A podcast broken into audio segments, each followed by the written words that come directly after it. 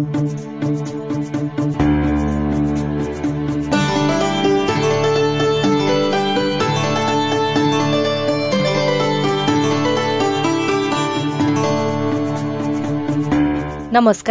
Radio कार्यक्रम साझा पहलमा तपाईँलाई हार्दिक स्वागत छ। म सुशीला श्रेष्ठ। अनि म अविनाश आचार्य।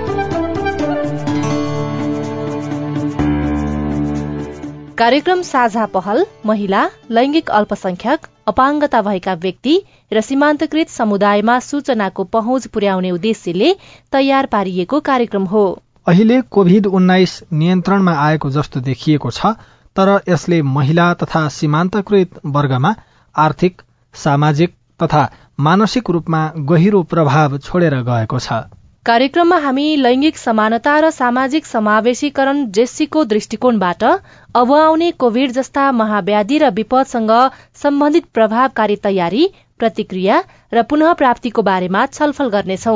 लैंगिक समानता र सामाजिक समावेशीकरण दृष्टिकोण भन्नाले हामी यस कार्यक्रममा महिला सीमान्तकृत वर्ग बालबालिका ज्येष्ठ नागरिक अपाङ्गता भएका व्यक्ति एकल महिला लैंगिक अल्पसंख्यक विभिन्न प्रकारका हिंसाबाट प्रभावित भएका महिला तथा किशोरी दीर्घरोगी गर्भवती तथा सुत्केरीका सवालहरूलाई प्राथमिकता दिनेछौ। सँगै लैंगिक तथा जातीय विभेद मानव बेचबिखनबाट प्रभावित भएका व्यक्तिहरू सामाजिक आर्थिक तथा नागरिक अधिकारबाट वञ्चित भएका व्यक्तिहरूको भोगाई उनीहरूका अपेक्षा पुनरूत्थानका लागि सरकारवालाले के गर्न सक्छन्? विज्ञ संघको परामर्श साथै सरकारका योजना लक्षित वर्गको पहुँच र कार्यान्वयनको अवस्थाबारे खोजी गर्नेछौ। साथै कोविडबारे फैलिएका अफवाहहरू भ्रम र गलत जानकारीलाई सम्बोधन गर्दै वास्तविक विज्ञसँगको सवाल जवाफ पनि प्रस्तुत गर्नेछौ र सबैको पहुँचमा आवश्यक सूचना पुर्याउने प्रयत्न गर्नेछौं। युएन ओमनको सहयोगमा ल्याक नेपाल र अकोराबको साझेदारीमा उत्पादन गरिएको रेडियो कार्यक्रम साझा पहल सीआईएन मार्फत सामुदायिक रेडियोबाट देशैभरि सीआईएन खबर डट कम र मोबाइल एप सीआईएनमा पनि चाहेको बेला तपाई विश्वभरि नै सुन्न सक्नुहुन्छ। साथै सीआईएनको फेसबुक पेजमा गएर सांकेतिक भाषामा हेर्न पनि सक्नुहुनेछ। कार्यक्रम साझा पहलको सत्रौं भागमा आज हामी विपद वा महाव्याधिको समयमा लैंगिक समानता र सामाजिक समावेशीकरण जेसीको अवधारणाबाट प्रभावकारी तयारी गर्नको लागि यसबारे समाजमा जनचेतना फैलाउनका लागि सम्बन्धित सरकारवाला निकायहरूको जवाफदेहिता र प्रतिबद्धता सहितको पूर्व तयारीका बारेमा आजको कार्यक्रममा छलफल गर्नेछौ। आज छलफलका लागि हामीसँग हुनुहुन्छ मध्य प्रदेशका गृह तथा संचार मन्त्री भरत प्रसाद शाह बाँकेको बैजनाथ गाउँपालिकाका अध्यक्ष प्रकाश बहादुर शाही राष्ट्रिय विपद जोखिम न्यूनीकरण तथा व्यवस्थापन प्राधिकरणका जेसी कार्यान्वयन इकाइका शाखा प्रमुख सहसचिव अनिता निरौला साथै विपद र लैंगिक समानता र सामाजिक समावेशीकरण दृष्टिकोण विज्ञ सरिता कार्की सहभागी हुनुहुनेछ। छलफलमा यहाँहरूलाई स्वागत छ। कार्यक्रमको शुरूआतमा चाहिँ म लाग्न चाहन्छु विपद जोखिम न्यूनीकरण तथा व्यवस्थापन प्राधिकरणको हाम्रा उपसचिव हुनुहुन्छ अनिता निरौला। अहिलेसम्म चाहिँ प्राधिकरणले विपदको पूर्व तयारी गरिरहँदाखेरि जेसीको अवधारणा अनुसार विपदको प्रतिकार्य कसरी गरिरहनु भएको छ भन्ने प्रश्नबाट सुरुवात गर्न चाहन्छु। विपदको समयमा प्रतिकार्यको बेलामा जेसीको विषयलाई लैङ्गिक समानता तथा सामाजिक समावेशीकरणको विषयलाई हेर्नको लागि चाहिँ खास गरी पूर्व तयारीमा बढी जोड दिनुपर्ने कुरा जुन क्लस्टर मेकानिजमको हाम्रो एप्रोच छ हामीले क्लस्टरलाई एक्टिभेट गरेर हरेक वर्ष मनसुन पूर्व तयारी तथा प्रतिकार योजना बनाउने गर्छौँ र यसपालि पनि हामीले बनाएका छौँ स्वीकृत गरेर त्यो कार्यान्वयनमा गएको छ। त्यसमा चाहिँ यो वर्ग बढी चाहिँ संवेदनशील वर्ग जो बालबालिका महिला अपाङ्गता भएका व्यक्तिहरू ज्येष्ठ नागरिक लगायत। जति पनि हुनुहुन्छ उहाँहरूको चाहिँ संरक्षण सँगसँगै उहाँहरूको सशक्तिकरण। उहाँहरूलाई चाहिँ अवेर गराउने कुरा त्यसपछि उहाँहरूको क्षमता विकास गर्ने कुरा र उहाँहरूलाई चाहिँ यसमा सँगसँगै सहभागी गराउने कुरामा विशेष गरी प्राधिकरणले जोड दिने गरेको छ र बढी भन्दा बढी चाहिँ नीतिगत प्रावधानहरूमा प्राधिकरणले काम गर्दछ। र अहिले पनि हामीले मनसुनको बेलामा उहाँहरूका स्पेसल आवश्यकताहरूलाई पूरा गर्ने गरी हामी गोदामहरूमा भण्डारण राहत सामग्रीहरू भण्डारणको व्यवस्था गरौँ। उद्धार सामग्रीहरूमा विशेष खालका उद्धारका तरिकाहरू अपनाउनु पर्ने हुन सक्छ विशेष उद्धारका उपकरणहरू आवश्यक हुन सक्छ त्यो खालको उपकरणहरू तयारी गरौँ भनेर हामीले भनेका छौँ र सम्बन्धित निकायहरूले चाहिँ त्यस्तो खालको व्यवस्था पनि गर्नुभएको छ। हाम्रा विकास साझेदारहरू सरकारी निकायहरू सुरक्षाकर्मीहरू उहाँहरूलाई चाहिँ हामीले यो विषयलाई चाहिँ केन्द्रमा राखेर काम गर्नको लागि बारम्बार ध्यान आकर्षण गराइराखेका छौँ। यहाँले भन्नुभयो जस्तै यो जेसीको अवधारणा पछिल्लो समय चाहिँ प्रयासमा ल्याउन खोजिए तापनि लक्षित वर्ग जो छ उनीहरूलाई चाहिँ यस बारेमा थाहा नै नभएको कुराहरू पनि हामीले थुप्रै रेडियो कार्यक्रमहरू गरिरहँदाखेरि उहाँहरूले बताउनुहुन्छ। यस्तो अवस्थामा चाहिँ यहाँहरूले लक्षित वर्गलाई नै यो जेसीको अवधारणा बारे जानकारी गराउन समाजमा जनचेतना फैलाउनको लागि चाहिँ कस्तो क्रियाकलाप गर्नु भएको छ यसको लागि मुख्य कुरा चाहिँ तथ्याङ्क नै हुँदो रहेछ। सुशीलाजी होइन? कुन समुदायमा कुन गाउँमा कुन घरमा कस्तो कस्तो भलनरेबल व्यक्तिहरू चाहिँ हुनुहुन्छ भन्ने कुराको आइडेन्टिफिकेसन चाहिँ पहिलो शर्त हुँदो रहेछ यो विषयमा काम गर्नको लागि। र त्यो त्यो नै तथ्याङ्कको हामीमा कमी छ होइन? हामीले काम गर्नुपर्ने सुरुमा तथ्याङ्कमा सँगसँगै अवेरनेसमा हो। त्यो भएर हामीले चाहिँ चौधवटा नगरपालिकाबाट चाहिँ सुरु गरिसकेका छौँ। अस्ति भर्खरै हामीले त्यसको सेयरिङ मिटिङ पनि राख्यौँ। त्यसमा चाहिँ हरेक घरको कुन घर चाहिँ कस्तो विपदको जोखिमको अवस्थामा छ र त्यो घरभित्र कस्ता खालका व्यक्तिहरू बसोबास गर्नुहुन्छ? ज्येष्ठ नागरिक अथवा दीर्घरोगी कति हुनुहुन्छ? बालबालिका कुन कुन उमेरको कस्तो अवस्थाको छ? सुत्केरी महिला अथवा अपाङ्गता भएका व्यक्तिहरू अपाङ्गताभित्रको पनि कुन क्याटेगोरीको कस्तो अवस्थाको हुनुहुन्छ भनेर each and every household each and every individual को तथ्याङ्क हामीसँग भएपछि बल्ल उहाँहरूलाई टार्गेट गरेर हामीले चाहिँ अवेरनेसका क्याम्पेनहरू लान सक्छौँ पूर्व सूचनाको कुराहरू पुर्याउन सक्छौँ। उहाँहरूलाई टार्गेट गरेर हामीले क्षमता अभिवृद्धिका कार्यक्रमहरू गर्न सक्छौँ र विपदको बेलामा चाहिँ अगाडि होस् अथवा विपद आइसकेपछि हामीले चाहिँ अर्ली एक्सन गर्नलाई होस् अथवा तत्कालको प्रतिकार्य गर्नलाई होस् राहत दिनलाई होस् उहाँहरूको स्पेसल निडलाई चाहिँ हामीले एड्रेस गर्न सक्छौँ। त्यस कारणले तथ्याङ्कमा काम सुरु भएको छ प्राधिकरणबाट। प्राधिकरणको प्राविधिक सहयोगमा यो चाहिँ हुने स्थानीय तहबाट नै हो। फेरि स्थानीय तहको वडाबाट नै त्यो तथ्याङ्क चाहिँ अपडेट हुन्छ र उहाँहरूलाई कसरी सङ्कलन गर्ने त्यसलाई कसरी अध्यावधि गर्ने र विपद पोर्टलमा कसरी राख्ने भन्ने कुरामा उहाँहरूलाई सिकाउने काम चाहिँ गरिएको छ। चौधवटा स्थानीय तहबाट सुरु भएको छ भने केही हदसम्म गरिएको छ तर धेरै काम गर्न बाँकी छ। हुन्छ हस् धेरै धेरै धन्यवाद छ। हामी यहाँसँग फेरि पनि जोडिनेछौँ यति बेला हामीसँग मध्य प्रदेशको गृह तथा संचार मन्त्री भरत प्रसाद शाह पनि जोडिनु भएको छ। यहाँलाई हार्दिक स्वागत गर्छौँ छलफलमा। र छलफलमा चाहिँ अब यहाँतर्फ नै लाग्न चाहन्छौँ हामी। कोभिड लगायत अन्य महाव्याधि वा विपदका समयमा गरिने प्रतिकार्यमा चाहिँ यो जेसीको अवधारणा अनुसार मध्य प्रदेशले कसरी काम अगाडि बढाइरहेको छ सुरुमा यही प्रश्नबाट सुरुवात गर्न चाहे। अब यो बर्खाको बेलामा यो चाहिँ अब विपदको कोणबाट छलफल हुनु अब मलाई लाग्छ आवश्यक नै थियो। अब अहिले बर्खायाममा खास गरेर मधेसमा चाहिँ अब कटान र डुबानको समस्या हुन्छ। र कटानको डुबानको समस्यामा खास गरेर नागरिकको चाहिँ जीवधनको चाहिँ सुरक्षा कसरी गर्ने लगायत कामहरू हुन्छ। यो सन्दर्भमा चाहिँ विपद व्यवस्थापनको चाहिँ बैठक बसेर मैले हाम्रो प्रदेशको सुरक्षा निकायका चाहिँ प्रमुख मार्फत चाहिँ अब सबै निकायलाई चारवटा निकायलाई एकदम चाहिँ पुरा हाई लटमा बस्नको लागि अब निर्देशन दिएको छ। बाढी र चाहिँ अब कटानको बेलामा मान्छेलाई त्यहाँबाट सुरक्षित सार्ने जस्तै कुनै ठुलो विद्यालय त्यहाँ सार्ने लगायतका चाहिँ अब ठाउँहरूमा कसरी सुरक्षित भन्ने रहेछ। तर यहाँ मन्त्रालयमा चाहिँ अब यता एपिएफको अनि नेपाल पुलिसको होइन र मन्त्रालयको टिम संयोजन गरेर संयुक्त रूपमा त्यसको चाहिँ निगरानी अहिले भइरहेको छ। तर अब ठुल्ठुलो खोलामा चाहिँ उसका सतहहरू र त्यसपछि माथि चाहिँ कुनै किसिमको सङ्केत बर्खाको सङ्केत या बाढीको चाहिँ स्थिति बढ्दै गयो ठुलो भेगमा चाहिँ त्यसलाई कसरी चाहिँ सतर्क बनाउने त्यो सूचनाहरू रेडियो मार्फत टिभी मार्फत कसरी सूचनाहरू दिने लगायतका कामहरू हामीले अगाडि बढाएका छौँ।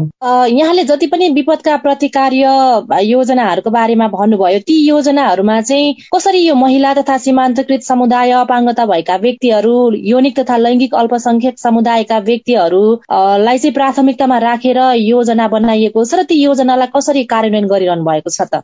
होइन त्यो खास गरेर समग्रतामा त त्यो छँदैछ। त्यसमा पनि अब महिला बालबालिका त्यसपछि अब अपाङ्ग हो होइन। यिनीहरूलाई विशेष ध्यान दिनु जरुरी छ। किनभने विपदको बेलामा अब अलि स्वस्थ मान्छे अलि युवा अलिकति गर्न सक्ने त्यो त आफू पनि त्यो चलायमान हुन्छ। आफू पनि उसले चाहिँ प्रतिकात्मक कामहरू गर्छ होइन।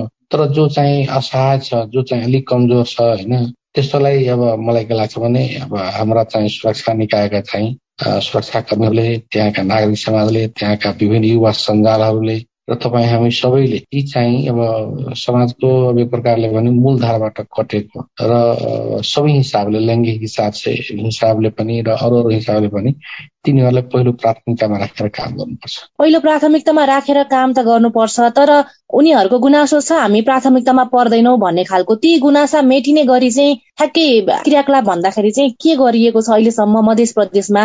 त्यसको बारेमा चाहिँ जानकारी गराउनुहोस् न। अहिले पछिल्लो समय जस्तै अब दुई तिन दिन पहिला घटना हो। बागमती खोलामा तल सर्लाही र उता रौतखटको सिमानामा बिचमा एक ठाउँमा के छ भने टापु जस्तो छ। यता रौतखटको चाहिँ रौतखटवासीहरूले त्यहाँ खेती गर्ने त्यहाँ गएको फर्किने बेलामा बाढी आयो बाढी आइसकेपछि त्यहाँ चाहिँ हामीले के गर्यो भने पहिलो प्राथमिकतामा चाहिँ बाल बालिकालाई राख्यो होइन महिलालाई राख्यौँ त्यसपछि पुरुषलाई राख्यो। तिनीहरूले क्रमशः चाहिँ उद्धार गर्ने काम गर्यो। यो जेसीको अवधारणा बारे चाहिँ समाजमा जनचेतना फैलाउन मध्य प्रदेशले केही गरेको छ?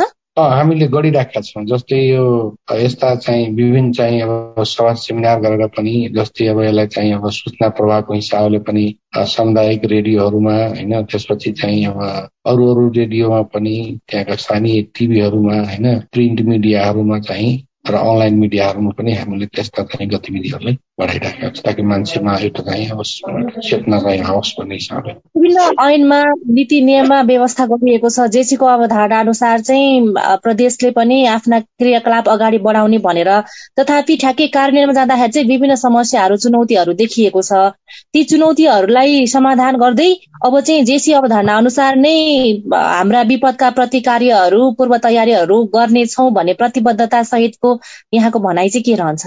एकदम सङ्घ सरकार यो साझा सूचीमा हो। सङ्घ सरकारले गर्न चाह्यो भने हामी तयार छौँ। हामी स्थानीयसँग पनि सहकारी गरेर। जस्तै अब सेमुलेसन पनि गर्दाखेरि त्यहाँ अब नेपाल आर्मी राख्दाखेरि त्यहाँ सबैको संयोजनमा गरेका थियो। त्यसले मैले राजनीति विरुद्धमा पनि नीति निर्माण गर्ने ठाउँ पनि तपाईँ हामी अब सबै नागरिक समाज होइन सञ्चारकर्मी लगायतका सबैले र सबै सरकारको अनरसिप हो भने त्यो काम चाहिँ झन प्रभावकारी हुन्छ भन्ने खोजेको मैले। यसमा म प्रतिबद्ध छु मधेस सरकार प्रतिबद्ध छु। उहाँ हुनुहुन्थ्यो मध्य प्रदेशको गृह तथा संचार मन्त्री भरत प्रसाद शाह। कार्यक्रममा अब भने हामी पालिकातर्फ लाग्दैछौ। यति बेला हामीसँग बाँकेको बैजनाथ गाउँपालिकाका अध्यक्ष प्रकाश बहादुर शाहीलाई चाहिँ अहिलेसम्म जेसीको अवधारणा अनुसार अहिले अब मनसुनको समय पनि छ कोरोनाको चौथो लहर आउने सम्भावना पनि उत्तिकै छ भनेर विज्ञहरूले भनिरहनु भएको बेला त्यसको प्रतिकार्यको लागि पूर्व तयारी र अहिले भइरहेको यो मनसुनजन्य विपदको न्यूनीकरणका लागि चाहिँ भइरहेका प्रयासमा जेसीको अवधारणा अनुसार यहाँहरूले प्रतिकार्यको योजना कसरी कार्यान्वयन गरिरहनु भएको छ भन्ने प्रश्न राख्न चाहन्छु। धन्यवाद। अब विपद प्रकोप व्यवस्थापन एउटा हामी चाहिँ हामीले त्यो सन्दर्भमा चाहिँ उद्धार पूर्ण स्थापना र राहतका कुराहरू हामी चाहिँ लिएका छौँ। र हाम्रो चाहिँ के छ भने यो हाम्रो विपद जोखिम न्यूनीकरण ऐन दुई हजार पचहत्तर बनाएका छौँ। त्यही ऐन अनुसार हामीले चाहिँ उद्धारका कार्यहरू त्यसपछि गएर तपाईँको यो प्रहरी रेड क्रस लगायत तपाईँको हाम्रो एम्बुलेन्स तयार छ। एम्बुलेन्स छ यो उद्धारको लागि र पूर्ण स्थापनाको लागि विद्यालयमा हामीले दुई तिनवटा विद्यालय जस्तै अब छुट्याएका छौँ र त्यसपछि गएर सुरक्षित स्थानको पूर्व अनुमान अनुसार तपाईँको हामीले खेल मैदान मेडिकल कलेजको खेल मैदान त्यसपछि गएर तपाईँको एउटा लालपुरको खेल मैदान छ अनि बैरावको खेल मैदान। त्यो अवस्था छ र हाम्रो चाहिँ यो आर्थिक वर्ष उनासी असीमा त्यो विपद प्रकोपको लागि मनसुनको लागि हामीले चौहत्तर लाख चौरानब्बे हजार चाहिँ छुट्याएका छौँ र आर्थिकको अल्ल्या गरेर दुई करोड एक्काइस लाख बजेट हामीले छुट्याएका छौँ।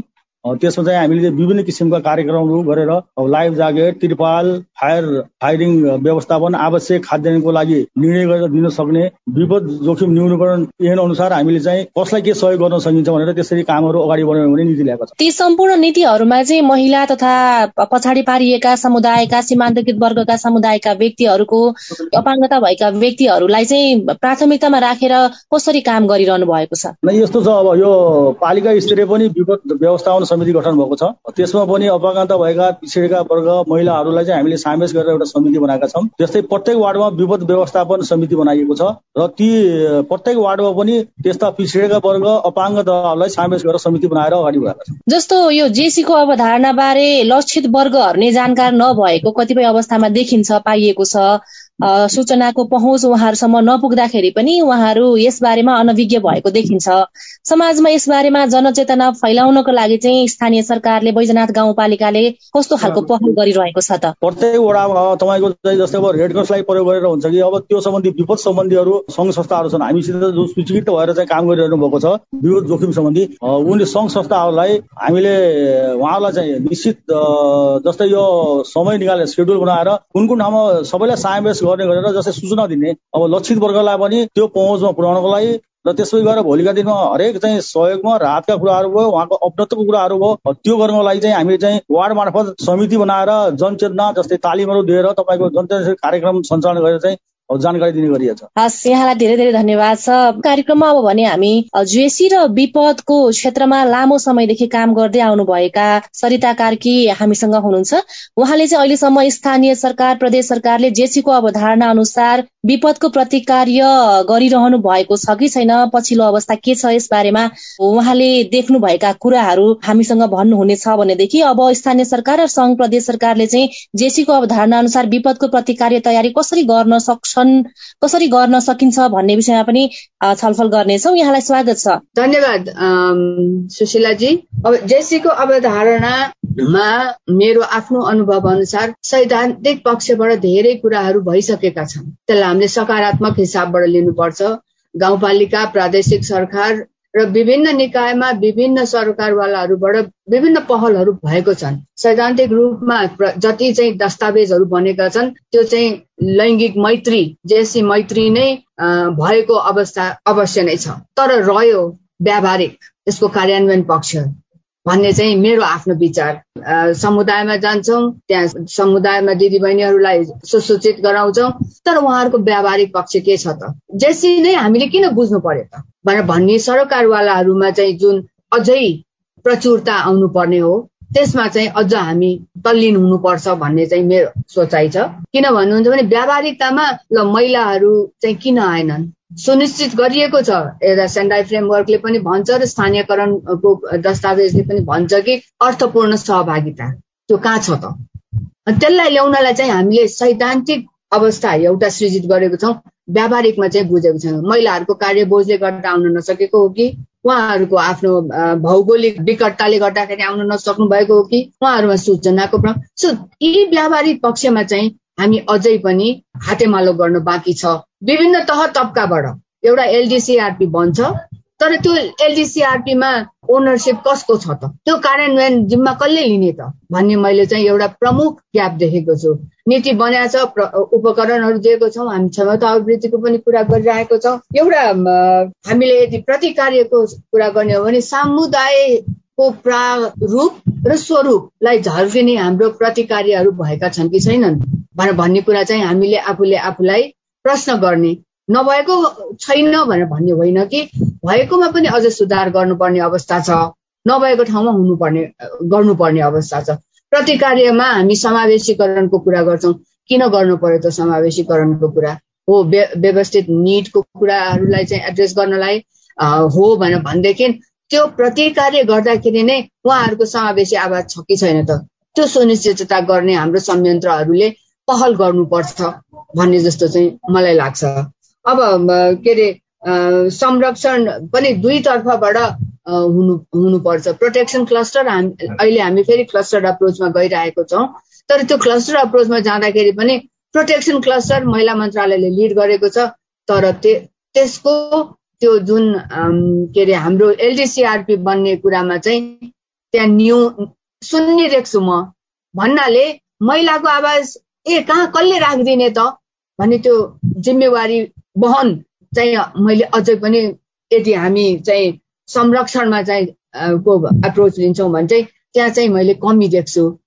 काम भएको होला नि त्यसलाई मैले नकार्न सक्दिनँ। तर त्यो जुन संरक्षण क्लस्टर प्रोटेक्सन क्लस्टरले जुन महिलाहरूको आवाज उठाउने हामीले प्रदेश नम्बर चारमा मैले मेरो अनुभवमा एलडिसिआरटी बनाउने साथीहरूसँग सोद्धाखेरि खै त प्रोटेक्सन क्लस्टरको भने? अहिले अब विशेष सुध्रियो होला कोरोना उपरान्त त्यसलाई मैले नकाट्दिनँ तर जति हुनुपर्ने त्यो प्रोटेक्सन क्लस्टर एक्टिभनेस महिलाको त्यो जुन प्रतिकार्यमा चाहिँ आवाज आउनुपर्ने जति बुलन्दी हिसाबले चाहिँ उहाँहरूसँग परामर्श हुनुपर्ने त्यो चाहिँ मैले न्यून देख्छु। यस बारेमा चाहिँ लक्षित वर्गहरू पनि अनभिज्ञ रहेको कुरा अघि पनि हामीले उठाइरहेका थियौँ। त्यसको लागि चाहिँ अब स्थानीय सरकार प्रदेश सरकारहरूले कस्तो खालको प्रयास गर्नुपर्छ ताकि उहाँहरूले पनि आफ्नो हक अधिकारको बारेमा थाहा पाउनुहोस् र खोजी गर्नुहोस् र समान सहभागिता चाहिँ कायम रहोस्।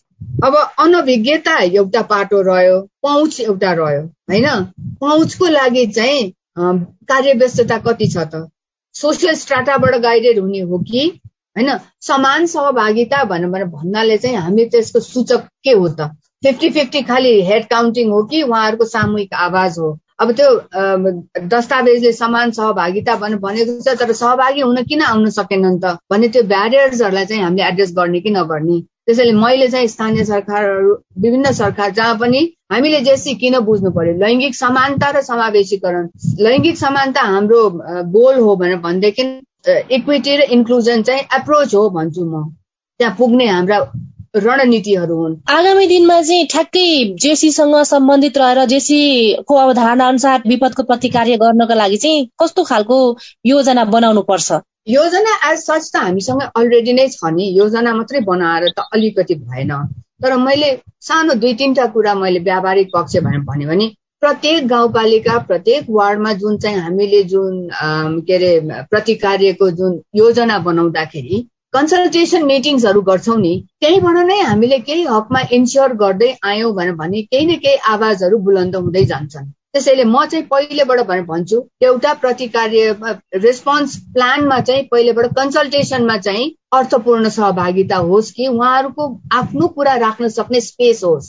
त्यो स्पेस भइसकेपछि अनि त्यो आफ्नो ओनरसिप बढेपछि अनि ए यो त हामीले बनाएको योजना भनेर उहाँहरूमा चाख बढ्छ ओकालत गर्न सक्ने हुनुहुन्छ।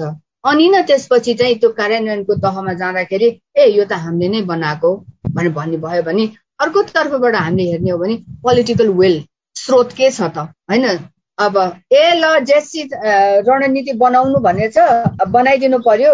भनेर बनाउने हो कि होइन यो आवश्यकता यस कारणले छ। त्यसलाई चाहिँ अनुकरण गर्दै हामीले लानुपर्छ भनेर विभिन्न निकायले सैद्धान्तिक रूपमा मात्रै भएर भएन। व्यावहारिकतामा नहेर्ने हो भने चाहिँ हामीले खोजेको परिवर्तन आउँदैन भन्ने मलाई हस् यहाँलाई धेरै धेरै धन्यवाद छ। छलफलको अन्त्यतिर आइपुगिसकेका छौँ। अन्त्यमा हाम्रो मध्य प्रदेशका गृह तथा संचार मन्त्री भरत प्रसाद शाहलाई चाहिँ हाम्रो विपद विज्ञको कुरा सुनिसकेपछि अबको विपद प्रति कार्यको तयारी अथवा योजना निर्माण गर्दाखेरि चाहिँ जेसीको अवधारणा अनुसार प्रतिबद्धता सहितको पूर्व तयारी चाहिँ के रहन्छ? अब तिनटै सरकारको अधिकारको सूचीमा यो छ। अब त्यही भएर तिनटै सरकारले संयुक्त रूपमा चाहिँ विपद व्यवस्थापनको कोणबाट सोच्नुपर्ने अवस्था छ। र हामी तिनटै सरकार मिलेर सङ्घ सरकारले पहल लियो भने हामी तिनटै सरकार मिलेर चाहिँ यो विपद व्यवस्थापनको चाहिँ काम त्यसको क्षति चाहिँ जीव धनको क्षतिको न्यूनीकरण गर्नको निमित्त म प्रदेश सरकार मधेस सरकारको तर्फबाट म तयार छु। हाम्रो सरकार तयार छ। प्राधिकरणको तर्फबाट अब कस्तो खालको प्रतिकार्यको योजनाका लागि चाहिँ तयारी हुनुहुन्छ भनेर छोटोमा आफ्नो कुरा राखेर चाहिँ कार्यक्रमलाई सकाउँछौँ हामी। हामी जेसीमा काम गर्ने विज्ञहरू यो क्षेत्रमा काम गर्ने संस्थाहरूको पनि डिआरआरको जेसीमा चाहिँ जेसी इन डिआरआरमा अझै स्पेसल बुझाइमा अभिवृद्धि गर्न जरुरी छ। उहाँहरूको पनि क्षमता विकास गर्न जरुरी छ। अन्तर्क्रिया गरेर छलफल गरेर एकअर्काबाट सिक्न बुझ्न र खास गरी त्यो भलनरेबल समुदायले चाहिँ कहाँनिर कठिनाइ फिल गरिरहेको छ? उहाँहरूबाट सुनेर त्यो चिजलाई चाहिँ रिफ्लेक्ट गर्न जरुरी मैले चाहिँ देखेको छु। र प्राधिकरणको तर्फबाट गर्दा चाहिँ यो जेसी स्ट्राटेजी चाहिँ गाइडिङ डकुमेन्ट हुनेछ। जेसी इन डिआरआरको लागि। र यसले चाहिँ गर्न सकिने खालका डुएबल एक्टिभिटीहरू यसमा आइडेन्टिफाई गर्नेछ।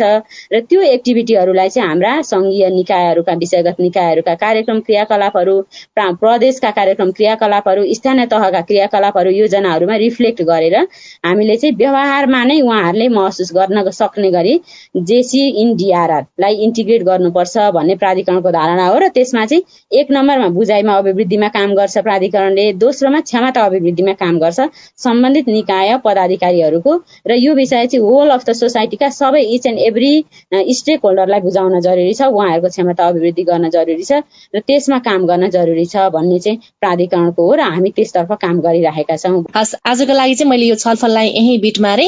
आजको छलफलमा सहभागी हुने सम्पूर्णमा हृदयदेखि नै आभार व्यक्त गर्दछु। तपाईँ यति बेला रेडियो कार्यक्रम साझा पहल सुनिरहनु भएको छ। यो कार्यक्रम महिला लैंगिक अल्पसंख्यक अपाङ्गता भएका व्यक्ति र सीमान्तकृत समुदायमा सूचनाको पहुँच पुर्याउने उद्देश्यले तयार पारिएको कार्यक्रम हो। आजको कार्यक्रममा हामीले विपद वा महाव्याधिको समयमा लैंगिक समानता र सामाजिक समावेशीकरण जेसीको अवधारणाबाट प्रभावकारी तयारी गर्नको लागि यसबारे समाजमा जनचेतना फैलाउनका लागि सम्बन्धित सरकारवाला निकायहरूको जवाफदेहिता र प्रतिबद्धता सहितको पूर्व तयारीका बारेमा छलफल गर्यौं विपद वा महाव्याधिको समयमा लैंगिक समानता र सामाजिक समावेशीकरण जेसीको अवधारणाबाट प्रभावकारी तयारी गर्नको लागि हामीसँग नीतिगत व्यवस्था भए पनि यसको कार्यान्वयन पक्ष फितलो रहेको विज्ञहरूको भनाइ छ। तसर्थ प्रभावकारी कार्यान्वयनको लागि शुरूआती छलफलमै लक्षित वर्गलाई समावेश गरी जिम्मेवारी हस्तान्तरण गर्न सकिए विपदको प्रतिकार्यमा जेसीको अवधारणा कार्यान्वयन हुने देखिन्छ। के तपाईँले कुनै पनि किसिमको घरेलु वा लैंगिक हिंसा भोगिरहनु भएको छ वा त्यस्तो हिंसा भोगिरहेका मानिसलाई देखिरहनु भएको छ? छ भने हिंसा विरूद्ध उजुरी गर्नका लागि तपाईँले चौबिसै घण्टा चल्ने र पैसा नलाग्ने हेल्पलाइन नम्बर राष्ट्रिय महिला आयोगको नम्बर एक एक चार पाँच जुनसुकै प्रकारका हिंसा जानकारीका लागि नेपाल प्रहरीको फोन नम्बर एक शून्य शून्यमा फोन गर्न सक्नुहुन्छ। यो सँगै हामी कार्यक्रमको अन्त्यमा आइपुगेका छौं। कार्यक्रम सुन्दै गर्दा केही मनमा लागेको भए भन्नुहोस् है। तपाईँकै जिन्दगीका भोगाई र समस्याको सवालमा छलफल गर्ने रेडियो कार्यक्रम साझा पहलको आजको अङ्कबाट भने विदा लिने समय भएको छ। तपाईँलाई तपाईँको पालिका वा सरकारवालासँग केही सोध्न भन्न जान्न बुझ्न अथवा समस्या सुनाउन मन छ? भने हामीलाई सम्पर्क गर्न सक्नुहुनेछ। केही प्रश्न प्रतिक्रिया र टिप्पणी छन् भने हाम्रो टेलिफोन नम्बर शून्य एक बान्न साठी छ चार छमा फोन गरेर आफ्ना कुरा रेकर्ड गराउन सक्नुहुनेछ।